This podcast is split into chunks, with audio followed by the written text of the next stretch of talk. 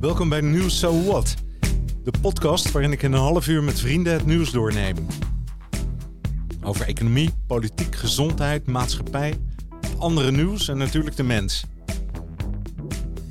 Met creativiteit, verwondering en een lach vorm je eigen mening en vrijheid. En dat mag. So what? Ja, deze maandag 18 oktober. Goeie avond, zeg ik, Michel. Erik, goedenavond. Ik heb, ik heb wat cryptische dingetjes voor jou. Wat denk je van door de grond zakken, door het plafond gaan en they shoot horses, don't they? Wat zijn dat nou voor onderwerpen, hè, denk je dan? Ja, dat, dat zijn wel, eh, dat uh, prikkelt de verbeelding, zullen we zeggen. Dan, uh, onze luisteraars zullen wel denken. Hè? Dus ja. ja. Hey, wat, wat, welk onderwerp zou je mee willen beginnen? Door de grond zakken of door het plafond gaan? Ga maar, uh, zak maar eens lekker door de grond. Hè? Dat klinkt ah. een beetje carnavalesk, hè? Gewoon uh, lekker doorzakken. Ja. En, ja, precies. Ja. Want de Vitesse-supporters zijn zondag aan een ramp ontsnapt. Op het moment dat ze de zegen op NEC vierden. Zakt er iets door de grond. En niet alleen door de grond, maar de hele tribune. Het is een... Heb jij ook het idee... Soms dan kijk je er ook naar. Hè? Jij bent, je bent ook een beetje... Volgens mij ben je wel een paar keer in de Kuip geweest. Um, waar het ook allemaal trilt op de grondvesten. Ik heb vaak het idee dat als ik ergens naar kijk, hè, dan hoef ik het maar te hebben over uh, nou ja, wat, wat we met FC Twente gehad hebben en AZ en, uh, en een, een stijger en uh, in Utrecht. hè, de, de, op een gegeven moment is het te veel. hè? En dat ja. zie je. Een boot die omslaat. je, je zit te kijken. Of, hoop je erop dat het gebeurt? Nee, hè, dat hopen we natuurlijk niet. Nee, hè? nee, maar eh, mensenmassa's zijn natuurlijk wel iets bijzonders altijd. Hè? Want je merkt dat het. Uh, dat kan met elkaar natuurlijk een soort trillingen en een soort vibe. Dat heb je ook wel eens als je bijvoorbeeld op het Goffertpark, hè, of het Malieveld, als je dan op zo'n open grasveld, normaal als je daar loopt, hè, dan dempt dat lekker en dat is heel zachtjes. Maar ook met een popconcert of zo, dan, dan voel je dat zo als een kleine aardbeving dreunen. Ja. Dat, dat, is toch wat we met elkaar dan doen. En het bijzondere met metaal is, want, want, want grond die kan dat soort goed absorberen. Maar metaal kan dan ook mee gaan trillen. Hè? Dat heb je met sommige bruggen had je dat toen ook. Met de Erasmusbrug ook. Dat was ook niet. Uh, dan trilde die mee en dat is niet goed. Dan, uh, dan kan zo'n brug in elkaar storten. Nou, en, en dit is natuurlijk. Kijk, dit was wel de derby, hè, Erik. Dit was de derby ja. van Gelderland. Hè? Want Arnhem, Nijmegen, dat is natuurlijk. Uh, water en vuur dan. En NEC uh, had een paar slechte jaren achter de rug, de Nijmegers. Die, die waren gedegradeerd, die waren voor het eerst weer terug. Dus deze derby was ook voor het eerst sinds jaren was hij weer uh, op eredivisieniveau. Ja. ja, dus die Arnhemmers die hadden echt weer wat te vieren toen ze daar wonnen. Maar ja, dit, dit ging wel ver, ja. Dat, uh, dan, ja, maar dit kan toch nauwelijks genoemd worden wangedrag, hè? Nee, hè? Dit is gewoon. Nee, nee, nee. maar dit, dit is feestvieren. Dit was, dit was feestvieren. Dat, dat, uh, wat, tijdens dezelfde wedstrijd uh, was het zo. De beelden dat een van die Vitesse-spelers probeerde daar een corner te nemen in de hoek waar de harde kern van de NEC-supporters waren. En tegenwoordig is het biergooien heel populair uh, in, bij het voetballen. We ja. kennen dat natuurlijk al jaren in de achterhoek bij de concerten van Normaal. Ja. Dus in die zin zou je zeggen, niks mis mee. Maar ja, dit was echt, uh, die man, die, die uh, voetballer, ja, die, die, die kreeg liters bier over zich heen. Die ging vervolgens, liep hij maar weg. Hij denkt, ja, dit wordt me te gek. Ja. Scheidsrechter wedstrijd stilgezegd, stadionspeaker, weer begonnen. En weer liters bier, weet je wel. Dus hij is maar door gaan voetballen. En, en, de, en dat is wel een beetje, dat raakt dan een soort van fatsoensgrens. Hè? Want ja, dat je dat nog bij een popconcert doet, Allah. Hè? Maar, maar deze hè, speler die moet nog presteren dus je beïnvloedt ook het spel. Dus dat is niet eerlijk. En daarna zijn ze nog eens een keer flink uh, tekeer gegaan, de supporters. Want die waren niet blij, de Nijmegenaren. Nee. En nu heeft Omroep Gelderland wil nu niet meer naar de lokale wedstrijden toe gaan. Omdat het uh, te gevaarlijk is voor hun verslaggevers. De politie was weer belaagd. Ik denk als je man Hans uh, vraagt weer van de week. Dan weten we al wat zijn antwoord gaat zijn. Hè? Want die is van de harde lijn. Hè? Dus oppakken. Dat, oppakken allemaal. Maar we zijn natuurlijk, je gaat, er is wel een grens aan wat je allemaal qua gedrag kan tolereren natuurlijk. Hè? Dus ik, ja. ik, dit, dit gaat wel kantelen, verwacht ik. Ja. Maar ja, in ieder geval dit, dit van, ehm, van Vitesse, het was, um, NEC was feestvieren in ieder geval. Hè? Maar heb je niet dat je soms naar die stadions kijkt en dat je je überhaupt afvraagt of het nog wel geschikt is? Althans, ik, ik hoorde iets daarover op het journaal. Of ik weet niet meer waar ik precies naar luister, maar ik vermoed Radio 1. En uh, die man die had verstand van stadions. En die, en die zegt, ja, uh, het gebruik van de stadions is natuurlijk heel anders dan waar de bouwbesluiten op afgegeven worden. He, dus je, je test het stadion op basis van uh, lekker zitten en opstaan en springen uh, als, als er een doelpunt valt. Dat, daar, daar bouw je dat stadion op. Maar tegenwoordig wordt, en tegenwoordig is natuurlijk ook al een tijdje, worden die stadions voor zoveel andere dingen gebruikt. En weet je, als ik het nou even, even plat sla, dan zegt hij, hij geeft eigenlijk de schuld aan snolle bolleken.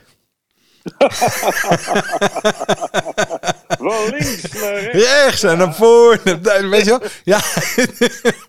En die stadions zijn daar dus niet, niet op berekend, zegt hij. En, en, uh, dus dit, en, hij pleit ervoor in Amerika, of in Engeland, er is een van de onafhankelijke commissie die die stadions dus niet alleen maar op voetbalgedrag uh, uh, moet controleren, maar ook op bepaalde vormen van muziek of bepaalde bewegingen of bepaalde vibraties of gezang of weet ik veel wat. Hè? Nou ja, hè, we hebben weer een, een nieuwe commissie, denk ik, als ik het zo zie. Ja, dat, dat, en, en bij ze weer zo'n commissie denk ik altijd, god, god, dan gaan we weer. Maar ik denk, die man heeft wel een punt. En, en vergeet ook niet hoe oud sommige stadions al zijn. Hè? Ja, en dat, bedoel ik ook met de Kuip, hè? Ja, en, en, en uh, ze zijn natuurlijk al, hoe lang zijn ze daar al niet bezig om een nieuwe Kuip te realiseren? Maar de nostalgie van de supporters gaat zo ver. Hè, die, die willen dat oude gevoel graag niet kwijt. Maar het is natuurlijk helemaal niet meer van deze tijd. Ik denk dat, dat in de Kuip zou dit ook zo kunnen gebeuren. Kan ik me zo maar voorstellen. Ja. ja. Misschien dat dan die nieuwe Kuip eindelijk een keer komt, Erik. Dat uh, kan me helpen.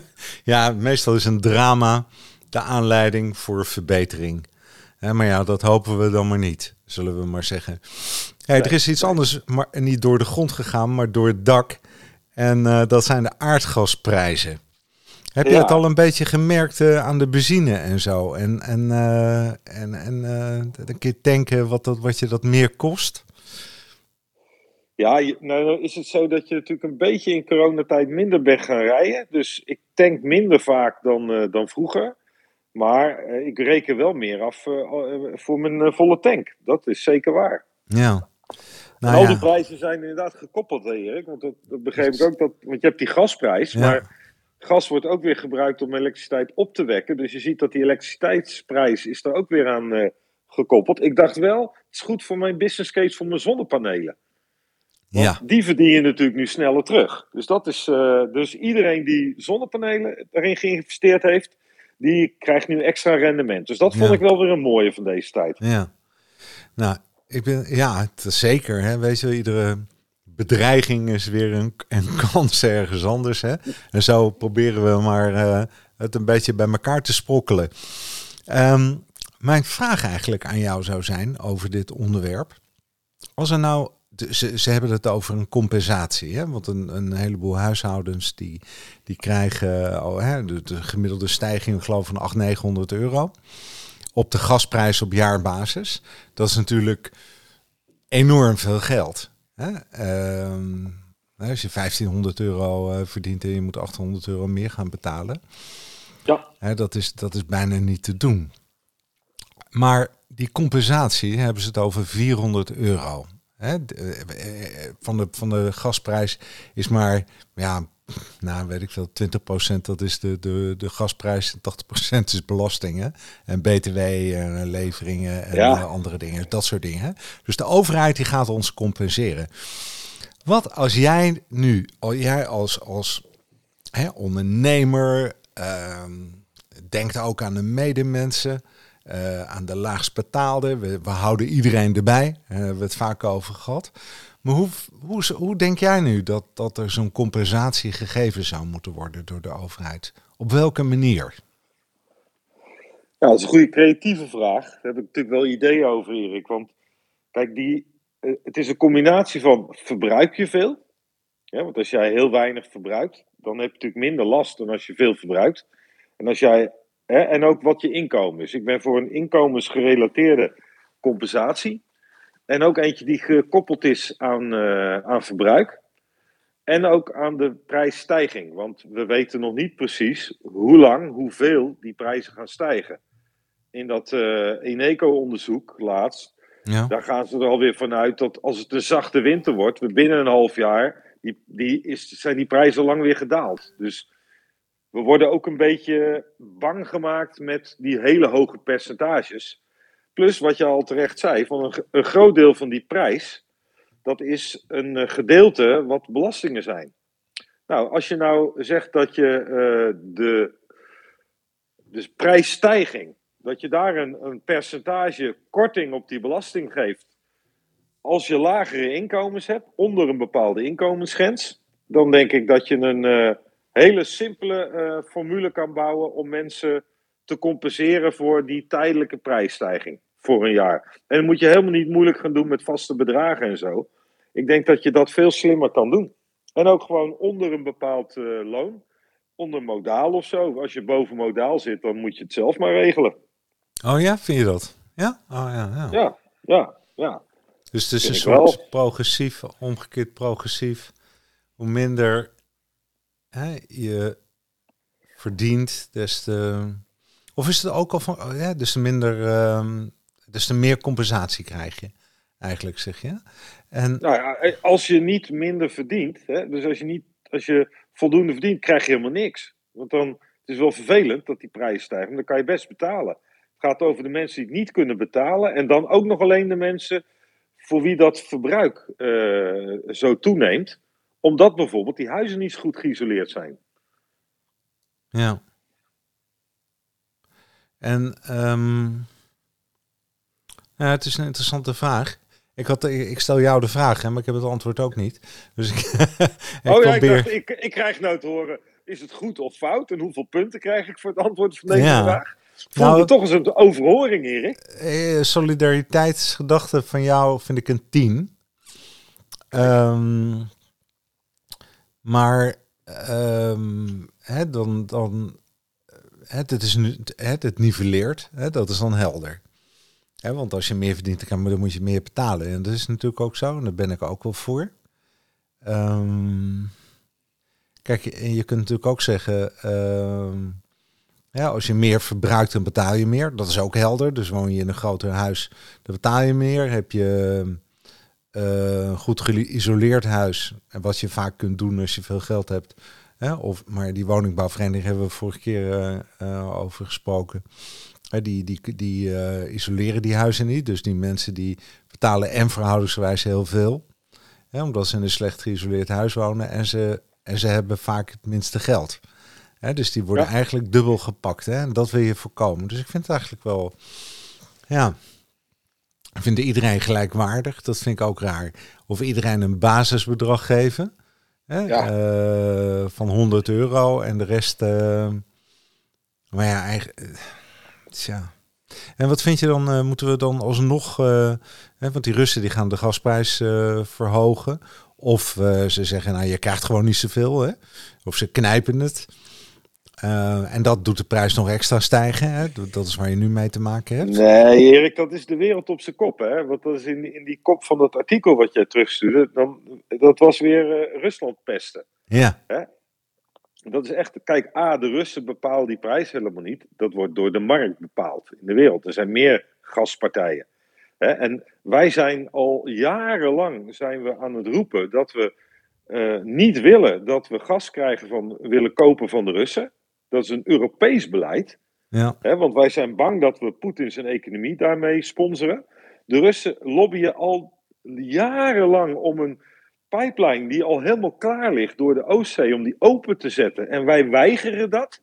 Wij roepen al jaren, we willen geen Russisch gas. En zo min mogelijk. Ja, in Duitsland wel, hè, geloof ik. Ja, dat, dat, is, hè, dat, is een, dat is een onderhandelingsspel wat, wat nog loopt. Hè, want dat willen we dan ook op EU-niveau doen. Maar ja, dan gaan de Russen natuurlijk, die zijn ook slim, die hebben niks met de EU te maken. Dus die zeggen dan tegen Duitsland, weet je wat, krijgen jullie korting op onze gasprijs als je die pijpleiding uh, opengooit. Hè, dus dan, ja, dat, dat is dus dan aan de Duitsers of ze, die kunnen daar natuurlijk niet op ingaan, want die moeten één EU-lijn volgen. Maar het is natuurlijk weer dat domineesvingertje nu van Nederland keer 27 als EU richting Rusland. Dat vind ik zo ontzettend doorzichtig en onsportief. Kijk, wij zijn degene die uh, te arrogant tegen Rusland geweest zijn. Wat gebeurt er in die wereldmarkt? Er is een enorme uh, groei met vraag. Met name uit Azië, ook uit China. Ja. En daar, dat drijft de wereldmarktprijs op. En als die prijs gaat en Azië wil het wel betalen, ja, dan zeggen zij van uh, prima, dan kopen wij je gas wel. En dan gaan wij zeggen, Rusland wil ons gas niet leveren. Ja, ja hè, dat, dat is de wereld op zijn kop, Erik. Dat is onze eigen stomme schuld. Ja, vind ik ook. Dat vind ik ook. En maar we houden de kraan dicht in Groningen, Ja, dat moeten we sowieso doen. Ja. Je wilt toch niet uh, dat in elkaar laten storten. Ja, dus, daar ben ik ook mee eens. Hè? Die mensen die, die wachten met smart Hè, tot een keer een huis gerepareerd wordt. Dus dat, dat vind ik ook niet kunnen. En wat vind je dan van de Waddenzee om daar te gaan boren? Nou, ook niet doen. dus dit is gewoon marktwerking. Het is jammer dat het nu even wat duurder is, maar dat zijn ook golfbewegingen. dus dat, dat moet je tijdelijk oplossen, maar dat moet je, je moet daarvoor geen concessies doen aan je lange termijn milieubeleid. Dat zou echt heel dom zijn. Maar je zou wel uh, het als een impuls moeten gebruiken, want als het zo duur is, dat betekent ook dat de business case voor isoleren, de business case voor extra zonnepanelen, hè, die wordt alleen maar interessanter. Ja. Hè, dus laten we het als een kans zien hè, om gewoon sneller te verduurzamen als maatschappij. En laten we alleen die doelgroepen die het het zwaarste hebben, die ook in de schuldenproblematiek zitten, die weinig laten we die compenseren. Ja. En vind je dan... al die, al die mensen, Erik, die, weet je hoe goed het met de horeca gaat deze weken? Joh, je kan toch geen restaurant of terras meer eh, op of het zit bomvol. Ja. Hè? Al die mensen die op terrassen zitten en die biertjes kunnen betalen, dat zijn wij ook, hè, van 4, 5, 6 euro voor een speciaal biertje, die hebben geen energiesteun nodig, Erik. Nee, dat is waar. Dat is waar. En vind je dan dat de mensen die die steun nodig hebben, is dat dan, um, hè, stel dat het, ik, ik weet het niet, het gaat natuurlijk altijd over uh, gemiddelde prijs van stijgingen en tegemoetkomingen. Maar stel nou dat, uh, hè, dat, dat ze 400 euro krijgen, maar de werkelijke prijsstijging is, uh, kosten zijn uh, lopen aan de onderkant 600 euro omhoog. Vind je dan dat ze helemaal tegemoet moeten worden gekomen? Of de helft? Of is die vier, stel dat het 600 is en 400 dat het op twee derde zou moeten zitten? Waar, waar, zou je dat op? Waar zou je die lat leggen? Nou, ergens tussen de helft en drie kwart. Hè? Dus uh, ik vind de, van de helft vind ik het wel mooi van hè, we, we, doen het samen. Hè? hè je, want je, natuurlijk moeten ze zelf ook wel een deel voor die prijsstijging betalen. Ja. Hè? Maar, dat, maar dat surplus, hè? dus uh, ja, laat daar even iemand naar kijken die dat beter kan inschatten. Maar, hè? maar ik denk als je dat niet aan de mensen geeft die het helemaal niet nodig hebben, hè, die, die 400 euro waar ze het over hadden, hè, dan uh, denk ik, joh, dan heb je genoeg geld uh, beschikbaar om de, hè, zullen we zeggen, 20, 30 procent armste mensen, ik denk dat die het het hardste nodig hebben. Ja, oké. Okay. Nou, daar zijn we het over eens. They shoot horses, don't they? Ik dacht, goh, wat leuk. Eh, dat deed me denken aan een, aan een muziekstuk. wat was dat ook alweer? Weet je dat nog? Ik, ik weet het niet meer, hè? Dit ging over de Sidney Pollack film. Maar het deed me ook denken aan een muziekfragment. Uh, waar, waar deze tekst gezongen wordt. Uh, kun je dat nog herinneren of niet? The shoot horses, don't they? Nee, of zo, zoiets, hè? Nou, een hele slechte zanger natuurlijk, maar ik weet het ook niet meer. Maar komt die, komt die titel hier niet bekend voor? Ja, het, het, het, zijn van die dingen die dan inderdaad heel erg uh, bekend zijn, inderdaad. Goed, die film is al uit 69, hè? Het ja. is een roman uit 35. Ja. Dus uh, ah, oké, ja. Het, het, het, het, is, er is wel muziek van, van de film, van Johnny Green. Dus, maar ik moet zeggen, het zijn van die dingen die dan heel bekend zijn, maar waarvan je dan niet gelijk weet wat het ook... Ik draai het niet elke dag, laat ik het zo zeggen. Nee. Maar ik weet zeker dat ik het kan terugvinden hoor. Ja, dat gaan we doen hè. Dat is natuurlijk lachen. Maar in ieder geval, ja. ze zeggen John de Mol, die, die heeft naar die film gekeken. En uh, ik lees even wat voor. Die speelt tijdens de grote depressie in de Verenigde Staten. En een periode die door de mensen van uh, toen hè, niet als de gemakkelijkste werd ervaren, de Great Depression.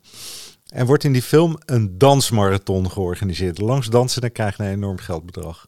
Nou, dus ik kan me wel voorstellen, die de mol, die is natuurlijk hè, op zoek naar spektakel en zoveel mogelijk mensen. En die denkt, ik ga de dansmarathon doen. Hè, beter goed, goed gejat dan slecht bedacht in dat kader. Hè? Hoe vind je nou, is in de eerste plaats, laat ik eens beginnen. Ik heb het niet gezien. Heb jij het gezien? Nee, ik heb het ook niet gezien. Nee, maar we begrijpen allemaal dat een paar dagen lang, geloof ik, hè, uh, zoveel mogelijk of een groep mensen moet dansen. Die hebben zich opgegeven. En blijkbaar kun je er op tv naar kijken dat die mensen omvallen. Ja, want die stoppen dan met dansen. Want de langste die had geloof ik, nou ja, bijvoorbeeld 69 uur gedanst of zo. En, en 30 minuten pauze en die had gewonnen. Hè? Zoiets was het geloof ik. Ja, ja. Nou, en dat is dus een uitputtingsslag. En in de film vallen er doden. Ik, de titel uh, van dit stukje was uh, Mensonterende televisie. Hoe kijk jij daar tegenaan? Ja, dat was de column van uh, Maarten van Roosmalen, die natuurlijk dat altijd op zijn bekende toontje hè, dan ook zo kan brengen. In de NRC, hè, was dat? Ja. Ja, het is een soort hele droge hè, vorm van humor. Je moet het hem bijna dan ook horen zeggen, hè, die, die woorden. En Kijk, het, ik vind het ook smakeloos, Erik. Ik vind het smakeloze tv. ik, ik vind het, uh, in, dat, uh, in die column noemt hij ook voorbeelden als Big Brother en allemaal dat soort dingen. Ja. en we hebben Temptation Island, dat je uh, probeert, waar iedereen zit te kijken of je wel vreemd kan gaan en zo. En ja, ik, ik kijk eigenlijk dat soort dingen nooit. Ik vind het ook echt kwalitatief bagger.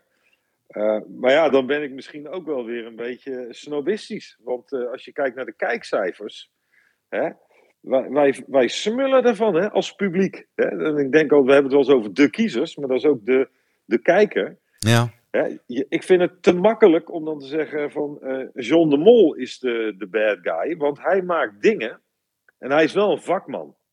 Hè, en hij heeft wel gevoel voor hè, wat een tv-hit wordt of niet dat, dat is zijn talent.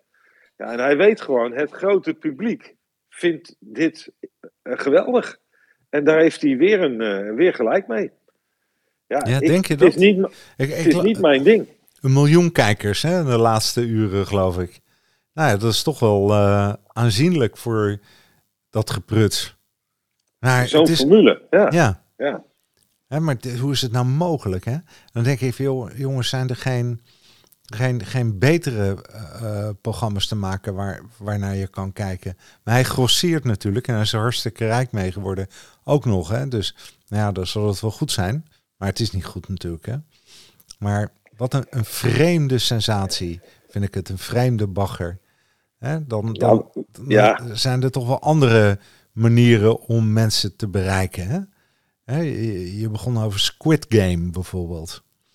Ja, en wat, wat is 1 miljoen, Erik? Als je ook een formule hebt waar je 111 miljoen mensen in de eerste week bereikt, hè? Zo, hey, dat is wat, hè? Hey.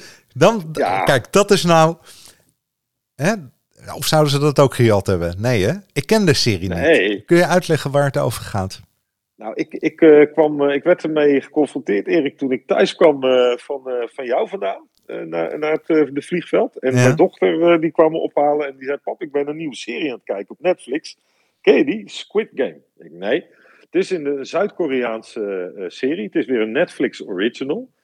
En uh, wat ik toch heel goed vind van Netflix, wat ze bereiken, is dat ze veel meer diversiteit brengen in het, uh, in het serie- en filmaanbod. Waar we altijd heel erg Hollywood gedomineerd hè, met films geconfronteerd werden. Krijgen ze nu uit allerlei andere taalgebieden en culturen. Maar dit is voor het eerst dat er een niet-Engelstalige serie zo groot is geworden en in zo'n korte tijd. Hè, dit is natuurlijk het land van Samsung. Hè? En we hadden ook al de Gangnam Style van uh, Psy. Dat was ook ja, zo'n Zuid-Koreaanse K-pop, werd dat ook genoemd. Dus er zijn een aantal culturele ontwikkelingen daar die de potentie hebben om een soort uh, wereldhit te worden. En, en waarom ik het, deze vond ik erg mooi passen bij het thema van John de Mol. Want ik zit dat te kijken en het gaat eigenlijk over mensen in de schuldenproblematiek. Die uh, kansloos uh, situatie bereiken doordat ze veel te grote schulden hebben. En dan worden ze eigenlijk benaderd door een organisatie om mee te doen aan een spel. En dan kunnen de winnaars van het spel kunnen een heel groot bedrag winnen. Dus uh, nou, dan gaan ze naartoe, allemaal een beetje geheim, op een geheime plek. En dat is vrij luguber, want dan beginnen ze met dat spel. En dat is dat spelletje, ja, wat ik weet niet eens hoe het in Nederland heet, maar hè, dan, dan staat er iemand met je rug naar je toe. We hebben het als kind ook allemaal gespeeld, hè? En, en dan moet je het schoolplein overlopen, maar als iemand zich omdraait, dan moet je stilstaan. Als je nog beweegt, ben je af. Hè? Dat, dat spel. En uh, nou, dat spelen ze daar ook met als verschil. Als je af bent, dan staan er gewoon gasten met mitrailleurs, die knallen je ook echt af. Dus dat. Uh, uh, maar het interessante is dat na die eerste spelronde, die mensen worden totaal verrast door het feit dat ze dus neergeknald worden als ze af zijn.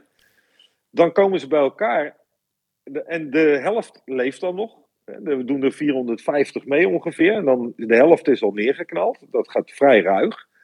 Maar dan mogen ze kiezen of ze wel of niet uh, door willen gaan. En als de meerderheid besluit niet door te gaan, dan. Uh, nou, dat is dan op één stem. Hm. Besluiten ze uiteindelijk dan niet door te gaan.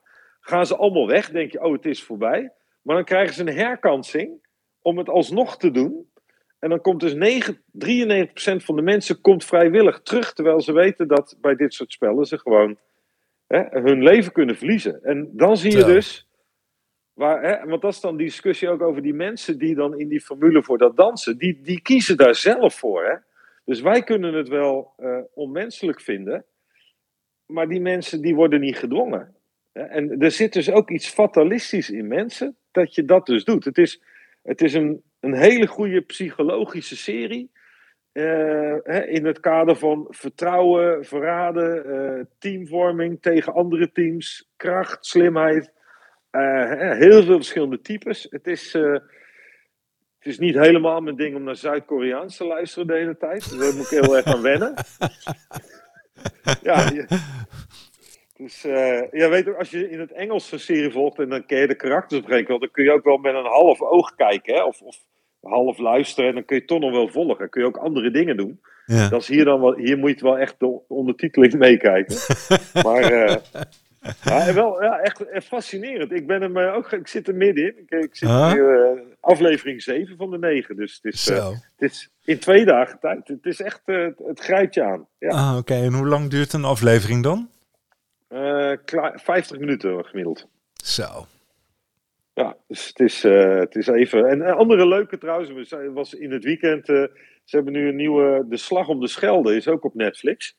En dat is een verfilming. En dat is wel, wel een mooie film over de Tweede Wereldoorlog. Waar, waarbij ook de Duitsers Duits spreken en de Engelsen Engels en zo. Hè? Dus dat is leuk gedaan. Ja. Maar die, weet je nog dat ik dat boekje bij me had toen we in, op Mallorca waren van uh, Maarten van Rossum. En ja. het is allemaal de schuld van Montgomery. Ja. En die ging over de hongerwinter. ja. En uh, dit, dat de geallieerden, nadat ze Normandië veroverd hadden, eigenlijk in september al aankwamen in Antwerpen. En daar een intacte haven wonnen. Wat strategisch super belangrijk was om uh, de legers naar Duitsland goed te kunnen voeren. Maar vervolgens zijn ze, uh, hebben ze acht weken tijd verloren met een beetje kissenbissen met elkaar over wie als eerste naar Duitsland mocht gaan. Ja. Hè, tussen Montgomery en Patton. En ze wilden oh, ja, ja, ja, in Rusland. En, en, en toen hebben ze de Duitsers twee maanden lang de tijd gegeven om, te zeggen, om die hele Scheldelinie aan de kant van Walcheren, van Vlissingen, helemaal te beschermen. Hè, maar ja, dan lees je dat in zo'n boekje. En in die film is dat dus live. En dan zie je al die kanonnen. En, en ja, joh, je ziet die Canadezen over zo'n brug. En die worden gewoon als, uh, ja, als, als, als vlees worden die gewoon echt neergeschoten. Het is een hele goede film, vind ik. Mooi, ook weer mooie. Ja, het is echt. Uh, ja, was ook wel weer. Dus het was een, uh, was een mooi avondje met mijn dochter. Was dat, uh... mooi hè? Ja, dat vind ik ook. Weet je wel, dat, dat, ja, waardevol hè? En dan krijg je ook nog iets moois aangereikt hè? Buiten dan dat je het niet alleen met elkaar doet hè? Eens. Zeker. Hè? En dan Zeker, ja. is het ook nog fantastisch om te zien. Maar 111 miljoen kijkers. En waar gaat het naartoe? Hebben ze daar een beeld van? Zou je het voor de tweede keer kijken trouwens? Nou, ik denk meer dat iedereen denkt, wat, wat, het wordt een klein beetje vergeleken met La Casa de Papel. Dat was ook zo'n hit op een gegeven ogenblik. Een Spaanse serie. Uh, hè, zo, dit zal meer dat mensen gaan zeggen, joh, wanneer komt seizoen 2? want dit vraagt natuurlijk om een vervolg. Dat, dus, en, en dit soort type series eh, zijn wel, eh, ja, blijkbaar hebben iets toch wat de, het publiek aanspreekt. Mooi hè? Het is net, heb je vroeger wel eens die films van Saw bijvoorbeeld gezien? Nee. SAW, ja, dat waren ook ja, een beetje horrorachtige films over zo'n zo'n vreselijke seriemoordenaar die mensen dan ook allemaal vreselijke opdrachten, opdrachten liet doen en zo. Ja, dat af en toe is de ellende van een ander, dat verkoopt wel. en, als, ja, en die laten zich ook nog filmen dan. Ja. Of niet? Ja, ja en, en dit zijn acteurs, hè. Dus dit zijn natuurlijk films, hè. Dit, En dat wat John de Mol doet is natuurlijk reality TV. Ja, ja. Hoor je wat? Ik hoor al een muziekje, ja. Ja, ik zou jou, ik zou jou wat zeggen. Wat ik, ik uh, heb wat gevonden, hè?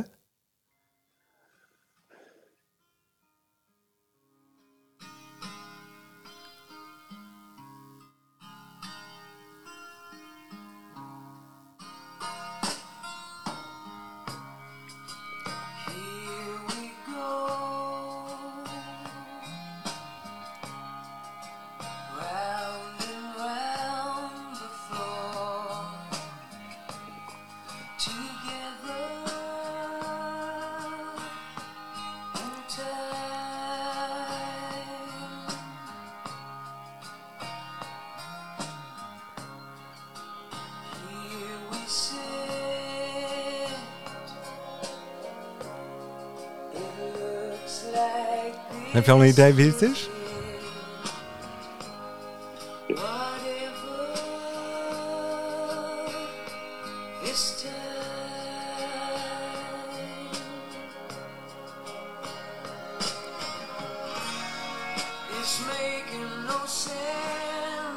En Michel?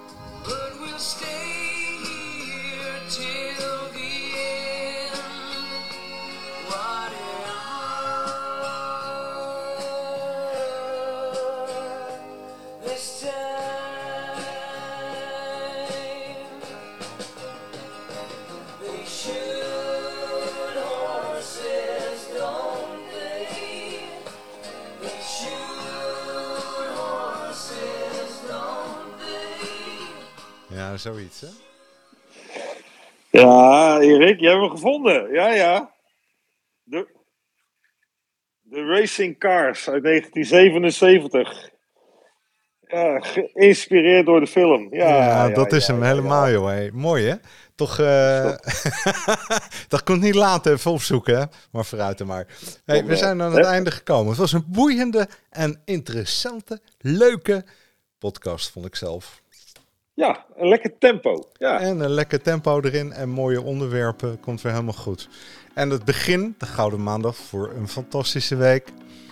Ik wens jou een hele mooie tijd. Zeker. Erik, jij ook. Michel, hoi hoi. Ja, zo zijn we aan het einde gekomen. Met muziek, dat is toch ook mooi hè? They shoot horses down day. Ja, waar John de Mol al niet hoe in staat is om ons op het spoor te zetten van zo'n beentje uit het verleden. All hoi!